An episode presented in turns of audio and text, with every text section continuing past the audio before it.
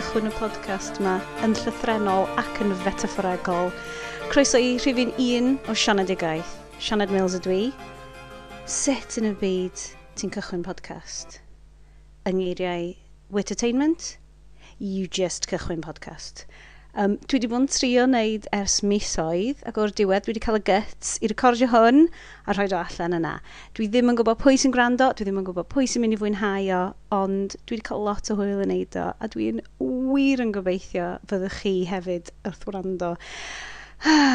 so, Sianed ydw i, dwi'n rhan o tîm yr haglediad, uh, da ni'n neud podcast tech bob mis, sydd yn does dim sgript, mae jyst yn ramblo. So dwi rwan angen dod i arfer efo sgriptio, a trio gwneud synwyr, a golygu, a cael llif.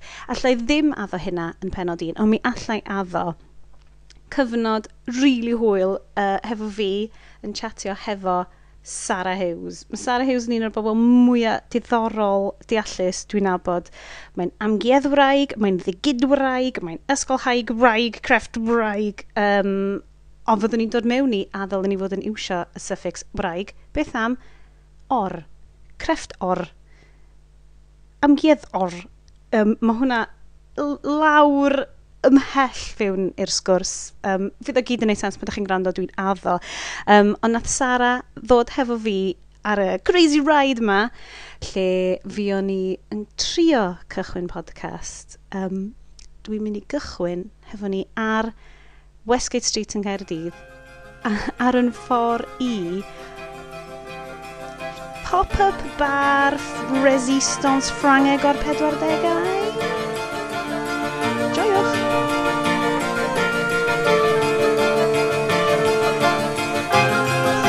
Ydy hyn yn gweithio? Gwneud ni gyfer y go, gyfer y go. Yeah! OK, so dyn ni'n cerdded lawr Westgate Street. Dwi wedi ffindio Sara ar fan hyn. Hiya, hello. So dwi wedi rhoi big up, dwi'n mynd i rhoi big up intro i ti pan dwi'n actually recordio uh, actual intros i hwn. Cys ys gen i'm syniad sut i strwythuro podcast. Yn okay. Wel, Ys gen i'm hyd yn oed microphone sydd yn neud sgwrsys. Mae gen i just microphone... Mae'n edrych fel rhyw fath o weird sports microphone.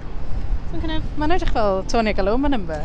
Yn actually. Mae fel... Um, byddai rhai bys y Carol yn iwsio yn y 90s. Ie, yeah, i ofyn cwestiynau i'r gynulleidfa.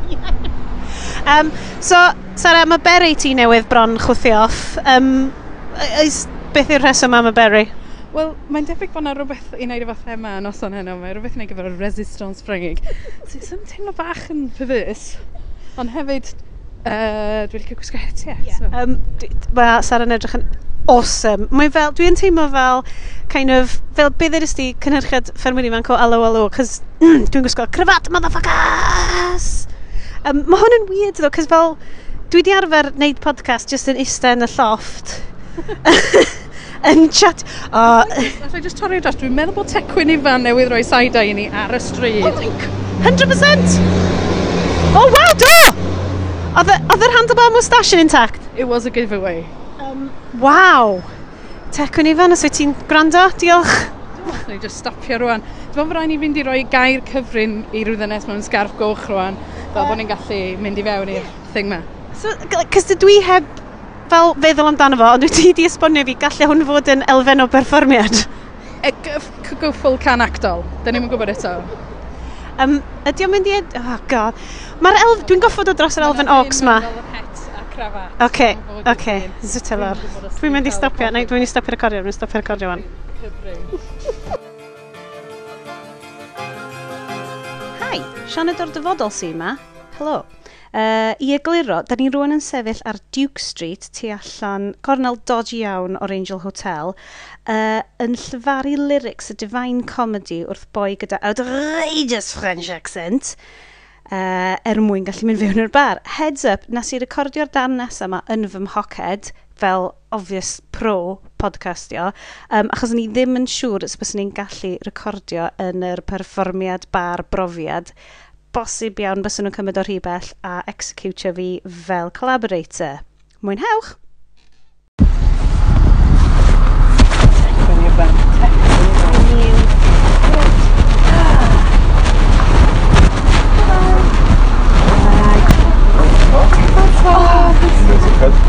Yes, you remember better than me. Uh, we went to a marbles wonderful game. Maureen disappeared. I came back with a beard.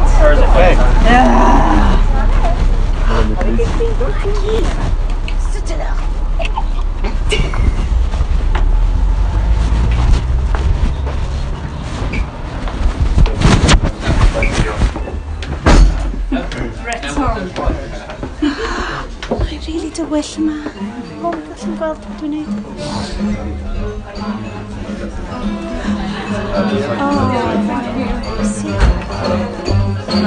Wow.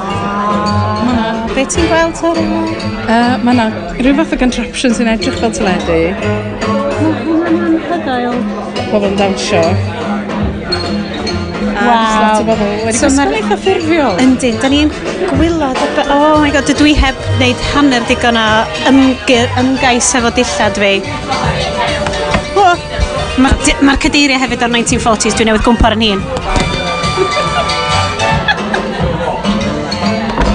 okay, da. Mae'r gadr na'n rili. Dwi eisiau swap.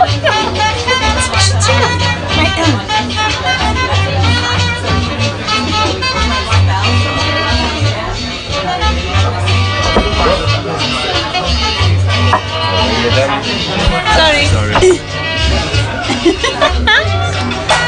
Wel, oedd hwnna'n lyflu. Ond... Awyrgylch. Mae'r awyrgylch, mae gennym ni ganwyllau mewn boteli, lot o oliadau co. Mae'r bar yn edrych fel front room rwy'n. Ww, merci. Mae'r menu yn llawn o... O, oh, diodydd ffringig Ond mae'r fwydlen yn Saesneg, so... Dyna'r llydaweg. Dyna ni yn mynd i llydaw neu di Ffranc. Um, Dwi'n trio disgrifio hwn. Mae'r... Mae'n hyfryd. Mae o fel like, tafarn bach... Mae fel... Ti'n y tafarn y Cymraeg yna sydd yn front rooms, bobl? Mae fel tafarn yr un unan Comelan. Ie. Yeah. Neu tiny... Ti'n yr un Cadugan yn llam, dim Llambed, a bereiron. O, oh, dwi'n un, Dwi'n wedi bod. Dwi'n licio'r un lle mae'r ddynes yn T90 a mae merch i allan y ffrant mewn tabad yn mynd, Mam! Mam! Mam! dwi'n lyfio fo fan hyn. Dwi'n meddwl wedi gwybod sy'n mic yma'n pigo hwn fyny, ond mae'n profiad neis. Ma dwi'n cael cwpl o bobl ar dates yma hefyd. Ti'n cool date i ddod arno? Dwi'n hyn yn, ie. Adventure date. Ie. Yeah. Dwi'n lyfio cucumber. Oh my god, cucumbers. Right, dwi'n mynd i ddiffodd hwnna yn funud. gemau fan hyn. Dwi LA podcasters ddim yn goffa neu hyn, ac dyn nhw, ww, yes! Um, yndi, so, hmm, da ni lawr, swn i'n licio meddwl, da ni yn selar gwesti'r angel o bosib? Dwi'n meddwl bod ni. Oce, okay, ond dydy bobl arall yn fod yn gwybod hynna. As if bod unrhyw un yn mynd i wrando ar hwn, anyway. Mae'n gorffen fory, dwi'n meddwl. Ie, yeah, fine. Iechyd da. Um, o, iechyd da, barod? Gobeithio bod y microffon yn byw yn fyny. Um, da ni hefyd newydd cael goriad hefo'r rhif chwech. Wedi uh, plincio ar yn stel ni. Ydy hwn fel, ydy hwn fel like, sex party a da ni just ddim yn gwybod amdano fo neu rhywbeth? Mae'n dibynnu be mae'r cyngor o celfyddyd yn ariannu ar hyn o bryd. Gwyl y ffais, ydych chi'n rhedeg sex parties. Nog ni ffeindio allan. Gwyl y bonc. Mae'r ma diwylliant Cymraeg angen, angen symud ymlaen. So beth ti'n yfed? Um, rhywbeth yma French 86 sydd yn edrych fatha gwydred normal o champagne a mae'n blasu'n rili really sir a lyflu. Dwi'n meddwl bod yna wy gwyn yn y fan yna. Ww, nes ti checio hwnna am allergies gynta. so dwi'n licio meddwl bod fel, pretty much unrhyw beth dwi'n recordio, mae yna wastad thema fel yfed alcohol yn involved. Um, hynna, neu pan dwi ddim yn recordio hefyd. Um, ydy o rhywbeth o fel, mae o 100% i fi ddod dros yr awkwardness barrier o just recordio, fel, Dwi eisiau bod yn vlogger, ond dydw i just ddim yn mynd i ddigwydd. Dydw i just... So mae hwn fel yr ail, like, it's good second i fi fel. So neb yn goffo gweld fi wneud hwn. Wel, mae'n bit na ti'n gorau cael fy wal o succulents. Ti'n gorau cael fatha lamp efo dim shades. O, oh, ie, yeah, a lot o brass. Dys gen i ddim y stwff na. Mae na shot i bod i skinny dip yn Sir David Strew. Mae ar gyfer plant merched yn ei arddegau a dynion hoiw Ond mae'n ma pob dim yn rose gold neu faux marble, faux marble oh. a efo fel unau fel Deilen Weed neu fel Not Today. Mae gennau beiro yna sy'n deud Bitches Take Note. So mae basically fel Oliver Bonas i fel Oliver Bonas i merched a hogia hoio.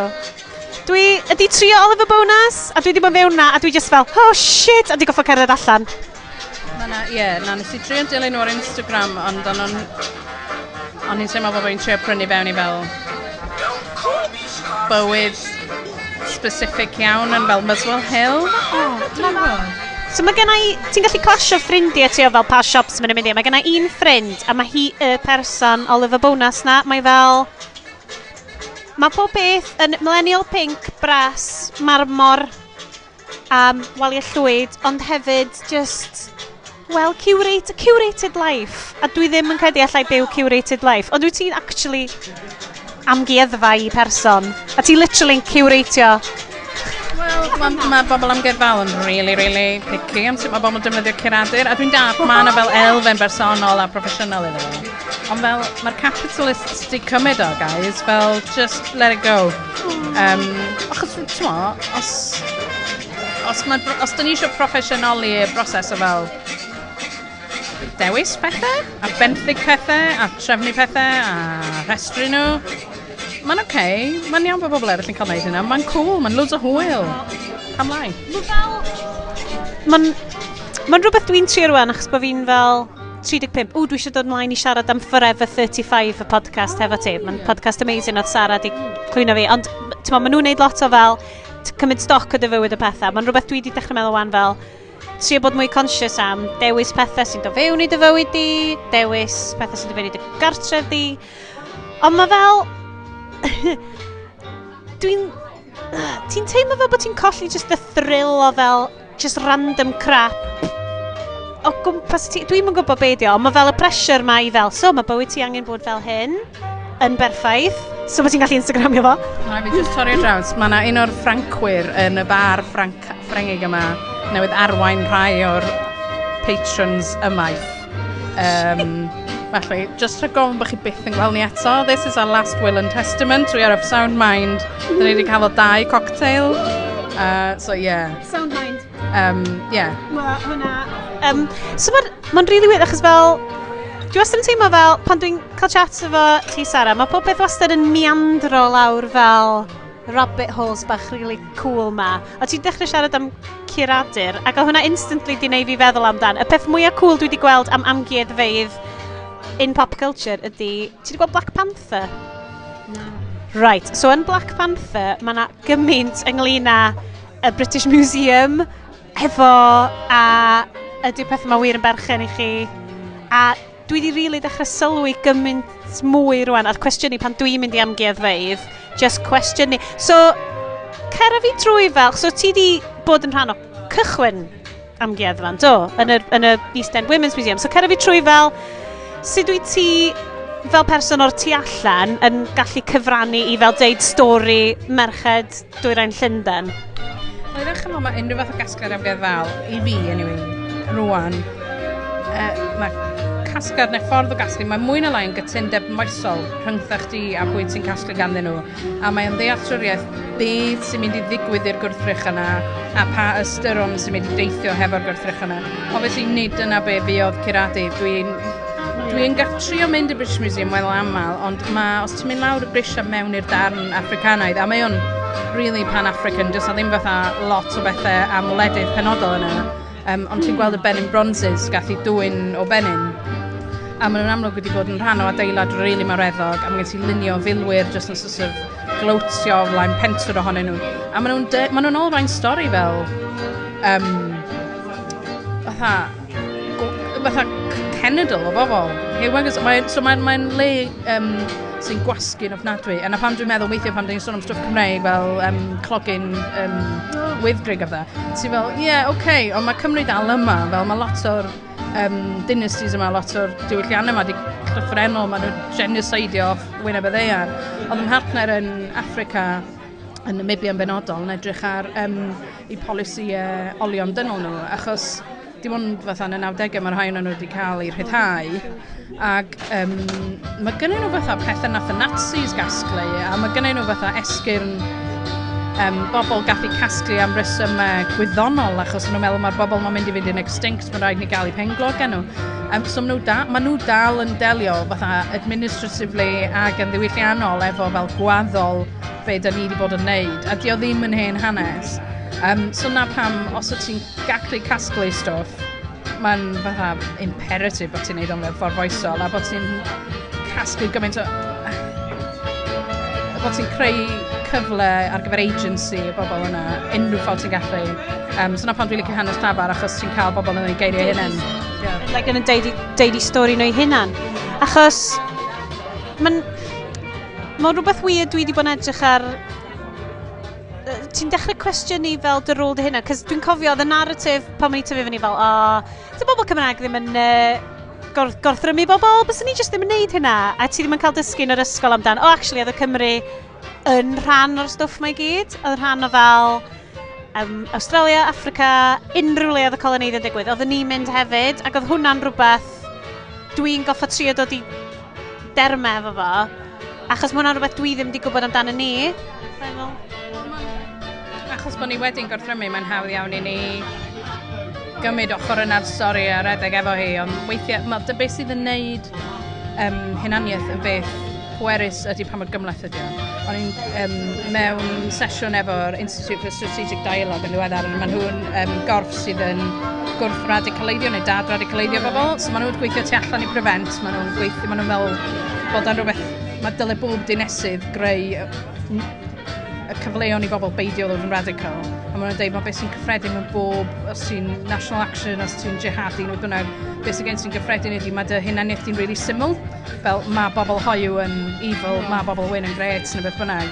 Um, so, be maen nhw'n neud yn ei gwaith dad radicaleiddio, nid ydy trio perswadio bobl yma, ond ydy creu ffyrdd o gymlethu i hunaniaeth nhw.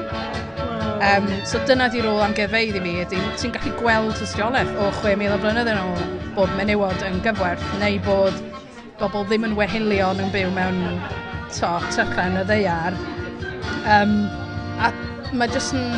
Ie, yeah, mae jyst yn... Dwi'n siŵr, dwi'n mynd off ar y drywydd, ond dwi'n meddwl, dyna di'r peth ydy fatha cymlethu identity, a dyna beth dwi'n wastad yn dod nôl at bobl tro amazing. Na, o'n i'n, oedd yn eitha ffynnu yn gweld rhywbeth ar Twitter heddiw, fel game Assassin's Creed newydd wedi dod allan. Ydy, ydych ti weld hynna? Mae wedi gosod, mm. mae wedi gosod yn um, uh, hen groeg, so Ancient Greece. Yeah. Ancient, come on, Cymraeg fi wedi ffeilio fi wan. Yn o'r hen fyd. Hen groeg. A mae o'n, mae Hoiwder yn major rhan o'r plot, o'r gêm, ti'n gallu chwarae fo, achos Ancient Greece, right? Mm. A wedyn, ti jyst yn gweld fel Game y Game, weirdos just yn fel mynd, this is totally historically inaccurate. Everyone knows the Greeks were like Christians. just look at all of the vases with the bumming. Uh, sorry. Sorry guys. Like, That's literally on the crockery. Dwi'n lyfio. Mae hwnna'n rhywbeth o'n i really lyfio. Fel, Mae'n really weird. Wel, yn fy mywyd go iawn, dydw i ddim really ar Twitter, dydw i ddim really'n logio fewn achos mae'r app o ffôn fi, dwi'n goffa logio fewn ar fel Chrome, fel ar yr um, browser ar ffôn fi, so dwi'n sort of, like, popio fewn bob yn hyn pan fi'n cofio. Ond yn y gwaith, achos bod dwi'n dwi, dwi deulu na manage lot o stuff social media, um, dwi'n sort of arno fo, di logio fewn iddo fo, a mae just, gweld, mae stuff, mae na equal amount o pethau sydd yn neud fi mor drist, a pethau sydd just yn neud fi really hapus, fel, um, pyn oedd yr un lle oedd bobl, uh, lle oedd merched yn fflontio PhDs nhw heddiw, mm. oedd hwnna'n briliant, lle oedd just fel, jyst merched fel, oce, okay, dwi wedi gweithio ar hawl i fod yn doctor, dwi jyst yn mynd i gael yng ngalwn hynna. Mae, ie, yeah, na, mae Dr Fern Riddle ar ddim rhan o hynna, mae hi'n hanesydd, pwnc dyn ni'n edrych arno fo yn, yn Dwyrant Llundain, sef hanes menywod, achos um, egin East End Women's Museum, dwi'n gyd sefydroig oedd fatha oedd o fod yn ymateb positif i amgyfa uh, Jack the Ripper nath agor dwy bron tair mlynedd yn ôl rwan. Um, syniad ni oedd fatha, wel, rwy'n ni greu protest positif a gosod rhywbeth i fyny sydd just mor gynnal, sy'n ddigon cynnaladwy bod o'n mynd i fyw yn hirach na'r amgueddfa Jack the Ripper. Um, so eto, kind of cymlethu be all amgueddfa fod, achos dwi'n ni bod mewn squats, dwi'n ni bod mewn bod math o lefydd. Ond nôl at y doctor thing na, mae'n partner i'n doctor, a mae weithio dwi'n cael trafod teithio, achos mae bobl yn cymryd yn ddyn.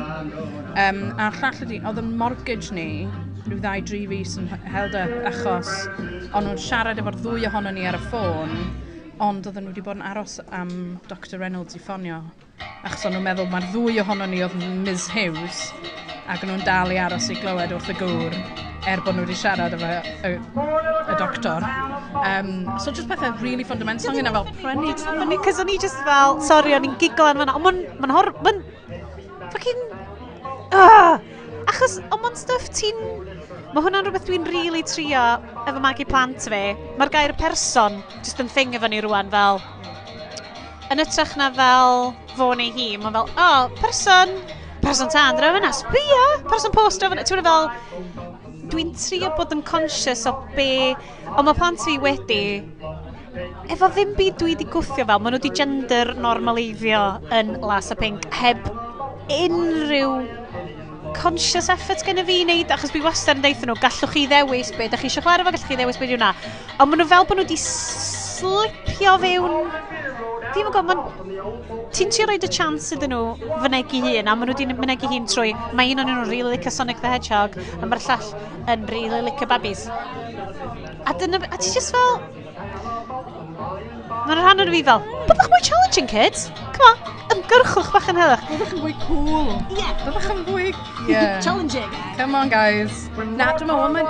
Dwi'n ti'n dwi'n meddwl sy'n Andrew. So, mae lot o enwau Cymraeg yn fel um, gweinyddwr, gweinyddraig, a bydde fel na. Dwi'n licio or, as in llenor, ond i fel, allwn ni alw bawb ddim yn rhywbeth or. Fel gender neutral. A mae'n un swnio bach fel robots hefyd sydd yn hef mm. beth da. Ydy idd yn gweithio fel na? Mae idd i fi'n swnio bach fatha...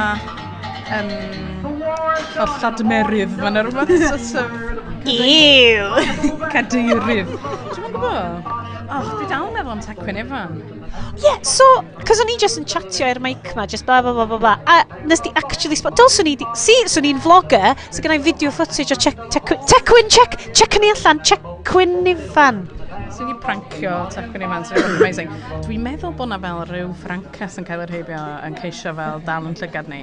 So dwi'n mynd gwrs dyle ni roi'r microfon i lawr a trio datrys y post beth sydd tu ôl i allwedd rhyw chwech. Oce, okay, dwi'n rili really ymddeheiro, dwi wedi mynd yn ei lawr. Um, da ni hefyd mewn lle rili really cyffroes a dwi jyst yn chatio am fel gender identity mewn kids bach ac yn yfed cocktail hyfryd.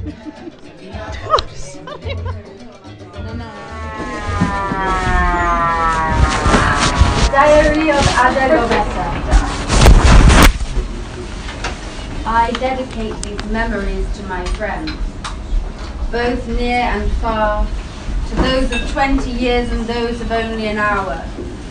Because friendship, a link of solidarity founded not on kinship, nor homeland, nor intellectual tradition, but on the simple human rapport of feeling close to one another in a crowd of many, appears to me to have been the profound significance. The symbol of our battle, perhaps it truly was, only if we are able to preserve it, perfect it or recreate it after so many mistakes and so much disgrace. Will we be able to understand that this unity, this friendship, was not and must not be only a means to achieving something else, but is a value in and of itself. Because in it is perhaps the meaning of mankind. See another man you found. Maybe I see you walking. Wel, oedd hwnna'n amazing. ges i actual real braw yna. So nath pob peth stopio yn y bar.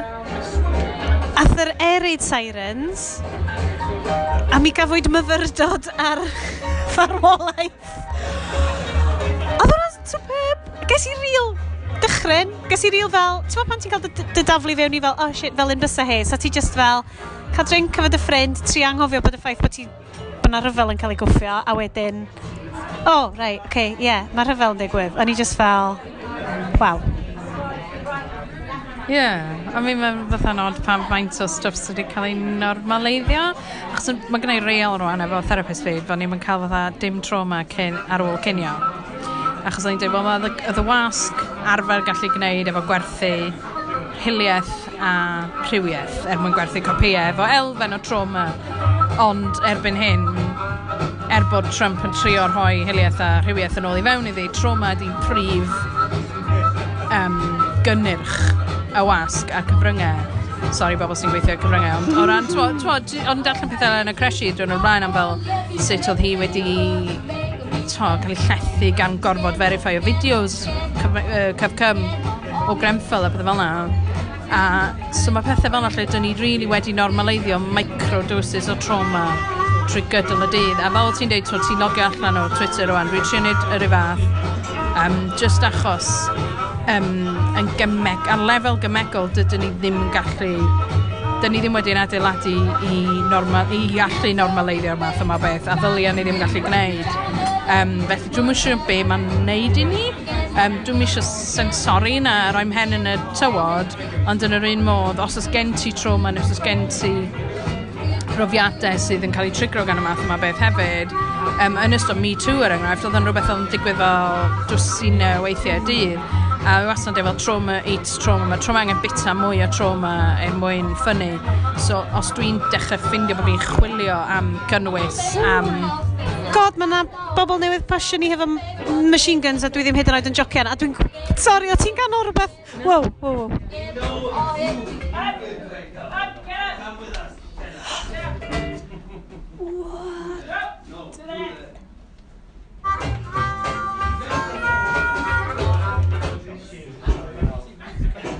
Mae na... Oh my god, mae newydd executio rwy'n. Dwi'n berson super mega crediniol a dwi'n hapus iawn i fyw yn y byd yma a maen nhw newydd fynd allan a maen nhw newydd fynd yma. Mae yna resistance pobl newydd executio boi. A mae'r boi'n ceddu'r fan hyn a mae gennym fo, oh my god, mae gennym fo pistol. Oce, okay, dwi'n gwybod, dwi'n gwybod ni mewn perfformiad, ond mae hwn hefyd yn eitha fel... Mae'n ei fi feddwl. Sara, dwi'n gwybod ti'n canol rhywbeth hwnna.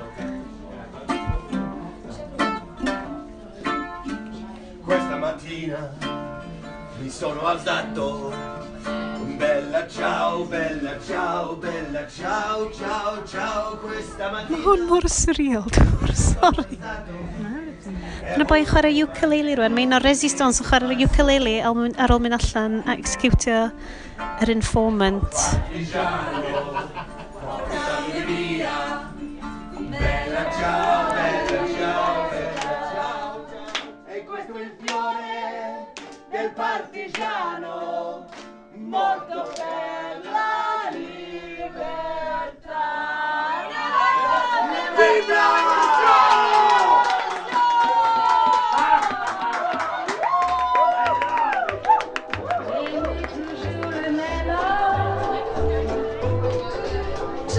yourself, y beth cyntaf nes i ar ôl yr intervention yna lle gath rhywun i seithi a wedyn oedd pawb ddechrau canu oedd tynnu'n ffôn allan i ffilmio fo.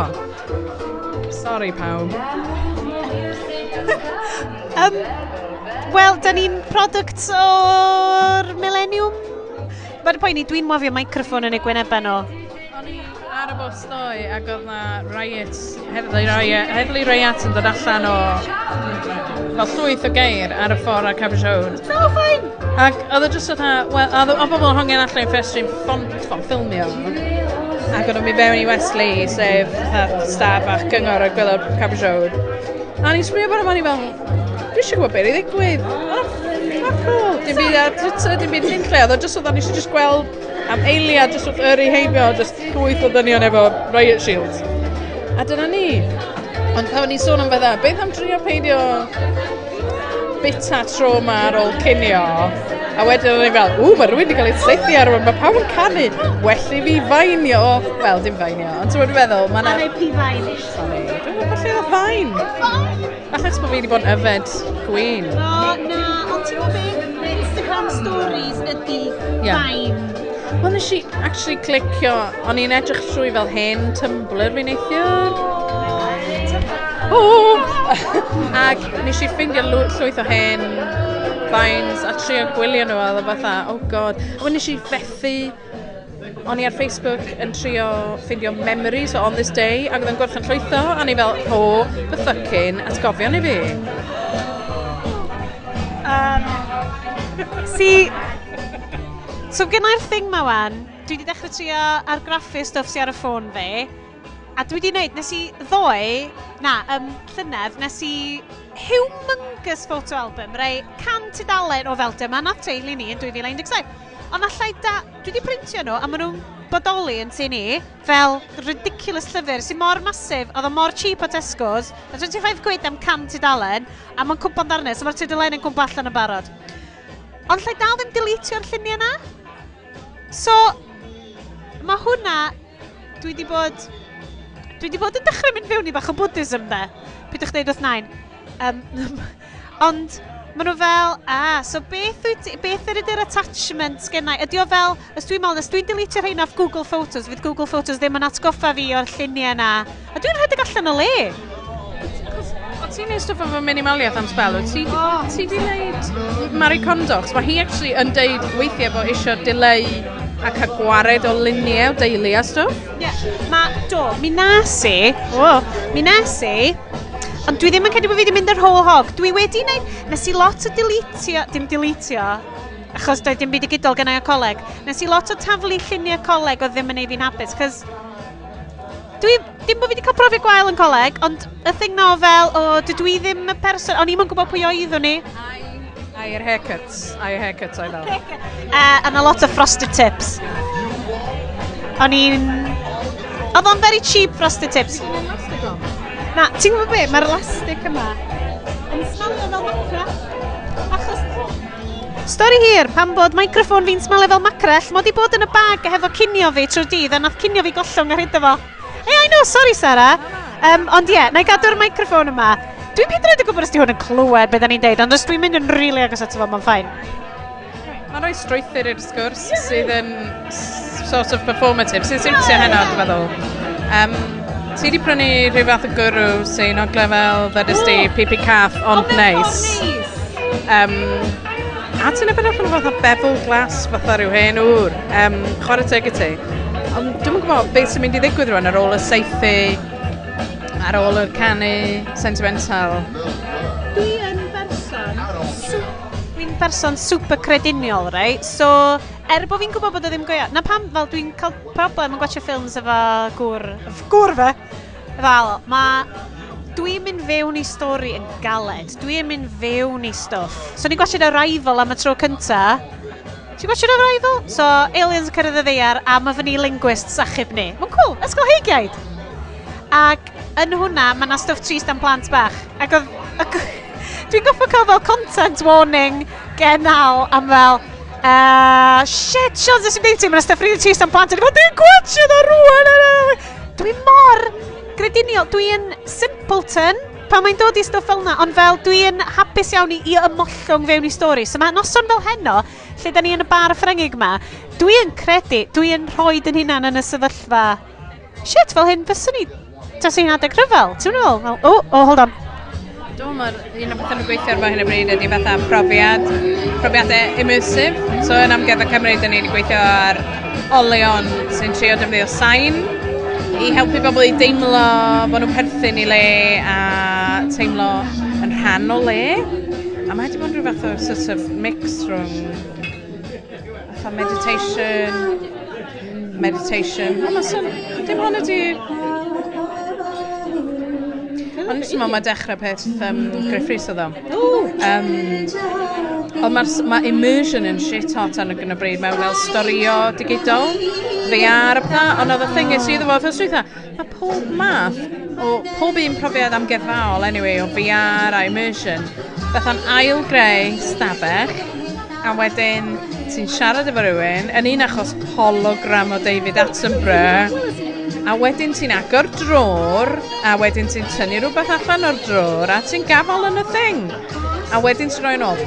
I mean, dwi'n hyd yn agor drôr adre yn fwriadol achos dwi'n gwybod beth sy'n ynddyn nhw a dwi'n dwi eisiau mela yn y lle.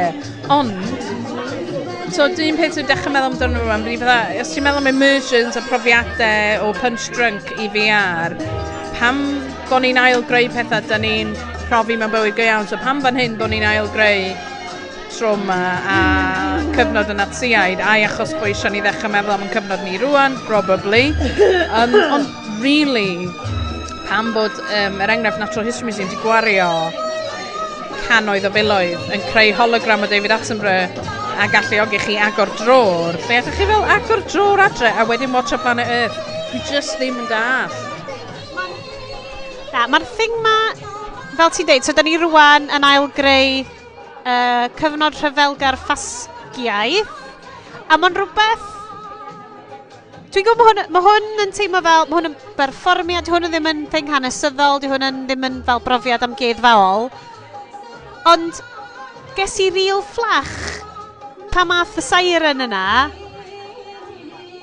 nes i adael i'n hunan gredu fo, ma, cael y ril fflach na o fel, shit, fel hyn bys efo, a mae fel ti'n deud, David Attenborough hologram ti a stuff,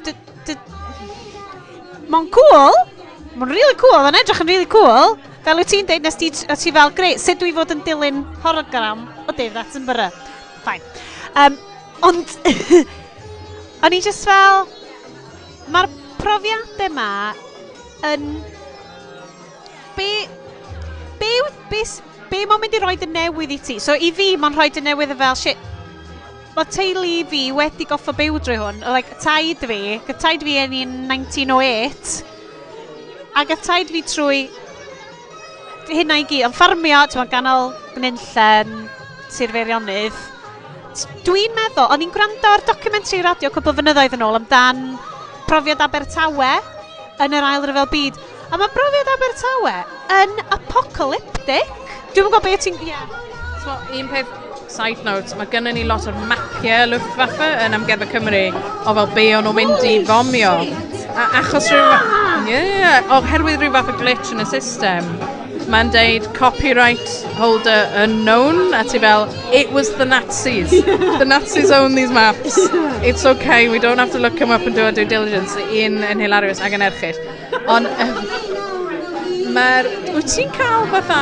O'n i'n siarad mynd ar Twitter yn gyda'r o rhywun sydd yn dynes trans sydd yn deud, fel hi'n cael mwy a mwy o flights of fancy yn hytrach na bod hi'n goresgyn rhywbeth lle oedd hi'n amddiffyn i hyd yn llwyddiannus yn erbyn dyn neu yn erbyn rhywbeth o assailant a o'n i'n dweud, actually, dwi'n cael MacGyver moments lle dwi fatha, oce, okay, os oes a leidr, os oes a leidr yn sir rwan, os oes a dan, be dwi'n iwsio? A mae rai fi ddeud, o gyna fatha, dildo gwydyr a siswrn wrth law, o'n i fel, ydw i'n iwsio siswrn, neu dwi'n concio nhw efo'r gwydyr a wedyn stabio nhw.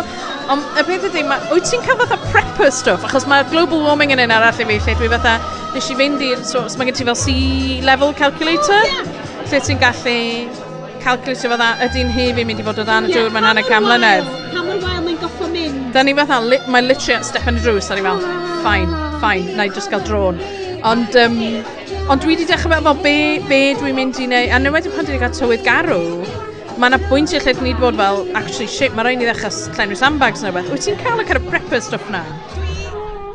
Dwi ddim wedi cyrraedd y stage na, achos dwi, fals, dwi falsely yn credu, mae yna bach o rhyw fyny ti ni. O, oh, god, mae'r maci, mae'r resistance newydd gerdded yn rili really gyflym.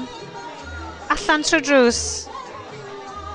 Mae'r dewis tunes yn y resistance bar yma yn anarferol, chys mae'n 1940s, hindi, cool tunes. Anyway, so'r prepio thing na, mae o, o'n i'n tri esbonio gŵr fi, Mae o, dwi'm yn gwybod, dwi wedi cael chat yma fel lot o ferched amdano fo, ond theori fi wedi bod o'n eitha standard syniad yn pen merched ydy fel, mewn unrhyw, unrhyw given situation, sut wyt ti'n amddiffyn dy hun neu cael dy hunan allan o sed sefyllfa, a mae yna cybl o degau lle, mae gennau uh, set cyllill rili really neis nice gys i yn briodas ni. A dwi'n lyfio'r sŵn mae'r gyllill lawr neud, shing! Allan o'n i fel, dyn ni'n ffain efo, a mae gennau um, um, pesel a mortar, really trwm. So ni fel, so hwnna'n good black... Sydd yn hollol afres, hollol afres ymol. As in, in such a situation. But yeah, mae'n kind of croes rhwng y bit crediniol o fel gwylio ffilms a fel, o, oh, mae'na, dwi'n gallu gweld cysgod rhywun yn fy brushed aluminium fridge, be sydd wrth law, botel o bino. So, so genuinely, wan, Dwi yn yr existential dosbarth canol crisis o mae gennym ni adeiladwyr fewn. Dim metafor, dwi ddim yn menstruatio yn llythrenol, mae'n adeiladwyr yn teini. A oedd un o'n, oedd y boi ffenestri di dod heb unrhyw rybydd, so ni just yna yn y tŷ ben yn hun, ac i glywes i oedd sŵn rwy'n yn, yn cerdded ac yn dechrau gwneud sŵn cnocian a stwff uwch ymhen i yn y gegin, ac o'n i just fel, Shit, shit, shit, shit, shit, shit. Oce, okay, oce. Okay. Na, cer... Mae siwr na dyladwr ydi o. Oce, okay, go. Barod, barod, barod. Mynd allan. A ni fel, alright! A gatho fel, oh, yeah, I knocked. Gyn ni fel, not very loudly though. Nath, um, nath yna ddigwydd i fi a nes i fynd allan i gefn y tŷ ac o'na ddyn o'n i ddim yn abod yn angl grindio y plaster off ochr y tŷ. O'n i ddim wedi gofyn i unrhyw wneud hynna. Oedd gen fo llythrenol gob a job Angle Grinder, ac oedd o jyst wrth i'n siafio beth saf ochr y tu. Ond, um, so ie, yeah, hynna, hynna, dwi'n dwi'n weddol um, protective o nghartre mewn lwyth o wahanol ffyrdd, ond dwi'n siŵr bod lot o'n fo'n dod o fel ofn lladron, ofn tam, ond dwi ar hyn o bryd dwi adre ar mhen hun am bythefnos, terwsnos, llynedd oedd hi'n 3 mis, os mae'n partner i'n archeolegydd, A ni'n meddwl, o, oh, dwi wedi delio fo tri mis, dyn ni bod yn skypio ffion efo'i chrwban yn Namibia am dri mis, Mr Crwban Jones, gobeithio bod ti dal yn fyw a bod ti'n gwrando. Um, a ni'n meddwl bod tair wrthos yn ffain, ond mae'n rili really bod yn anodd eto. Na beth sy'n berlin bod fi'n gallu perswadio ti. Gynnu fyny drink, fydd o'n ffain, na i ddim iwsio ti am podcast, mae'n ffain! Um, dwi'n mynd i rhoi dy maic i gadw am chydig, Uh, Mae'n siŵr fyddwn ni'n popio nôl fewn pan mae'r... Neu fyddwn ni'n cael yn seithi. Oh! Uh, so, ie, yeah, eto, hwyl fawr. Uh, Black Box Recording, Sioned y Sara, falle welwn i chi wedyn? Oce, okay, di gweithio? Ww, yndi. Right, hwnna'n bach chi nhw. Ww!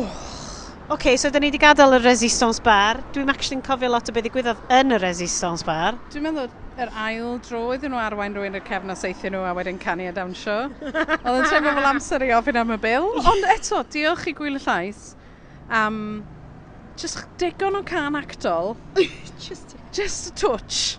Oedd o'n... i wedi really enjoyo, achos mae'n neud, mae'n rhoi bach o... Ti'n teimlo fel bod ti'n... Ti ddim just yn mynd allan am beint, o ti'n actually profi rhywbeth. Ie, yeah, na, profiadau. na, dwi'n meddwl oedd e jyst yn rhywbeth um, bach o wahanol, a'n amlwg gobeithio yn rhaid yn ôl bod wedi ni, ni feddwl am wahanol bethau. Yeah.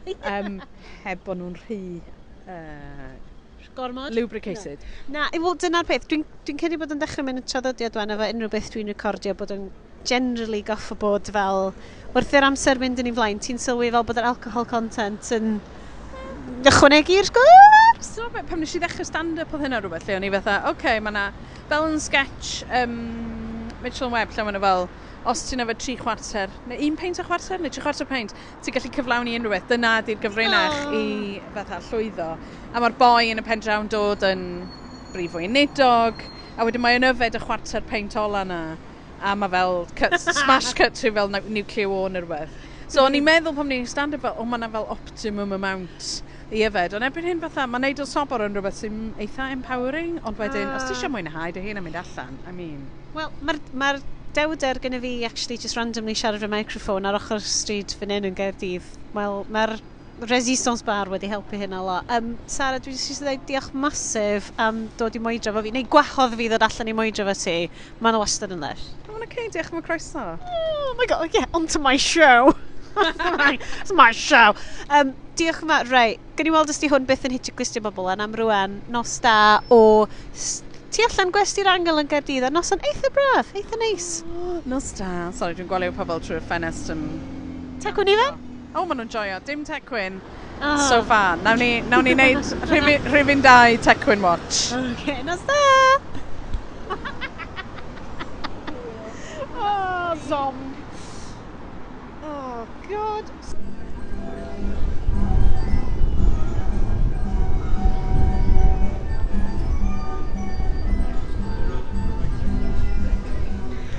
O'n i'n methu pasio'r carosel ma heb gychwyn recordio. Hai! Sianed o'r dyfodol si ma eto. Da chi wedi cyrraedd diwedd y benod gyntaf o Sianed i Gaeth. Sut mae hynna'n teimlo? Hapus? Llon? lot i feddwl amdan. Diolch yn fawr am wrando hyd yn hyn. Diolch mwy fyth i Sara am ymuno hefo hi ar y fi, ar y Crazy Ride ma. Um, os da chi wedi hoffi be da chi wedi clywed, please gadwch i fi wybod. Dwi ar Atlef, ar Twitter, da ni ar yr haclediad bob mis. Um, so i'n rili really licio gwybod beth chi feddwl adborth wastad yn ddefnyddiol. Um, dwi yma ar fy awrginio yn yr hael llawen a jyst yn rili really falch bod ni wedi cyrraedd. Fi wedi gallu rhoi hwn allan. So, gadwch chi fi wybod os da chi eisiau mwy. Hefyd, gadwch chi fi wybod os da chi'n licio bod ar y rhaglen. Dwi wastad yn chwilio yn bobl cool i siarad fo. Uh, yn tydyn ni gyd. Uh, am rwan, o sŵn y carasel tu allan y senedd, eironig yna, um, dwi'n mynd i ddeud ta, tan y benod nesa, diolch yn fawr i chi eto am wrando, a welai chi tro nesaf.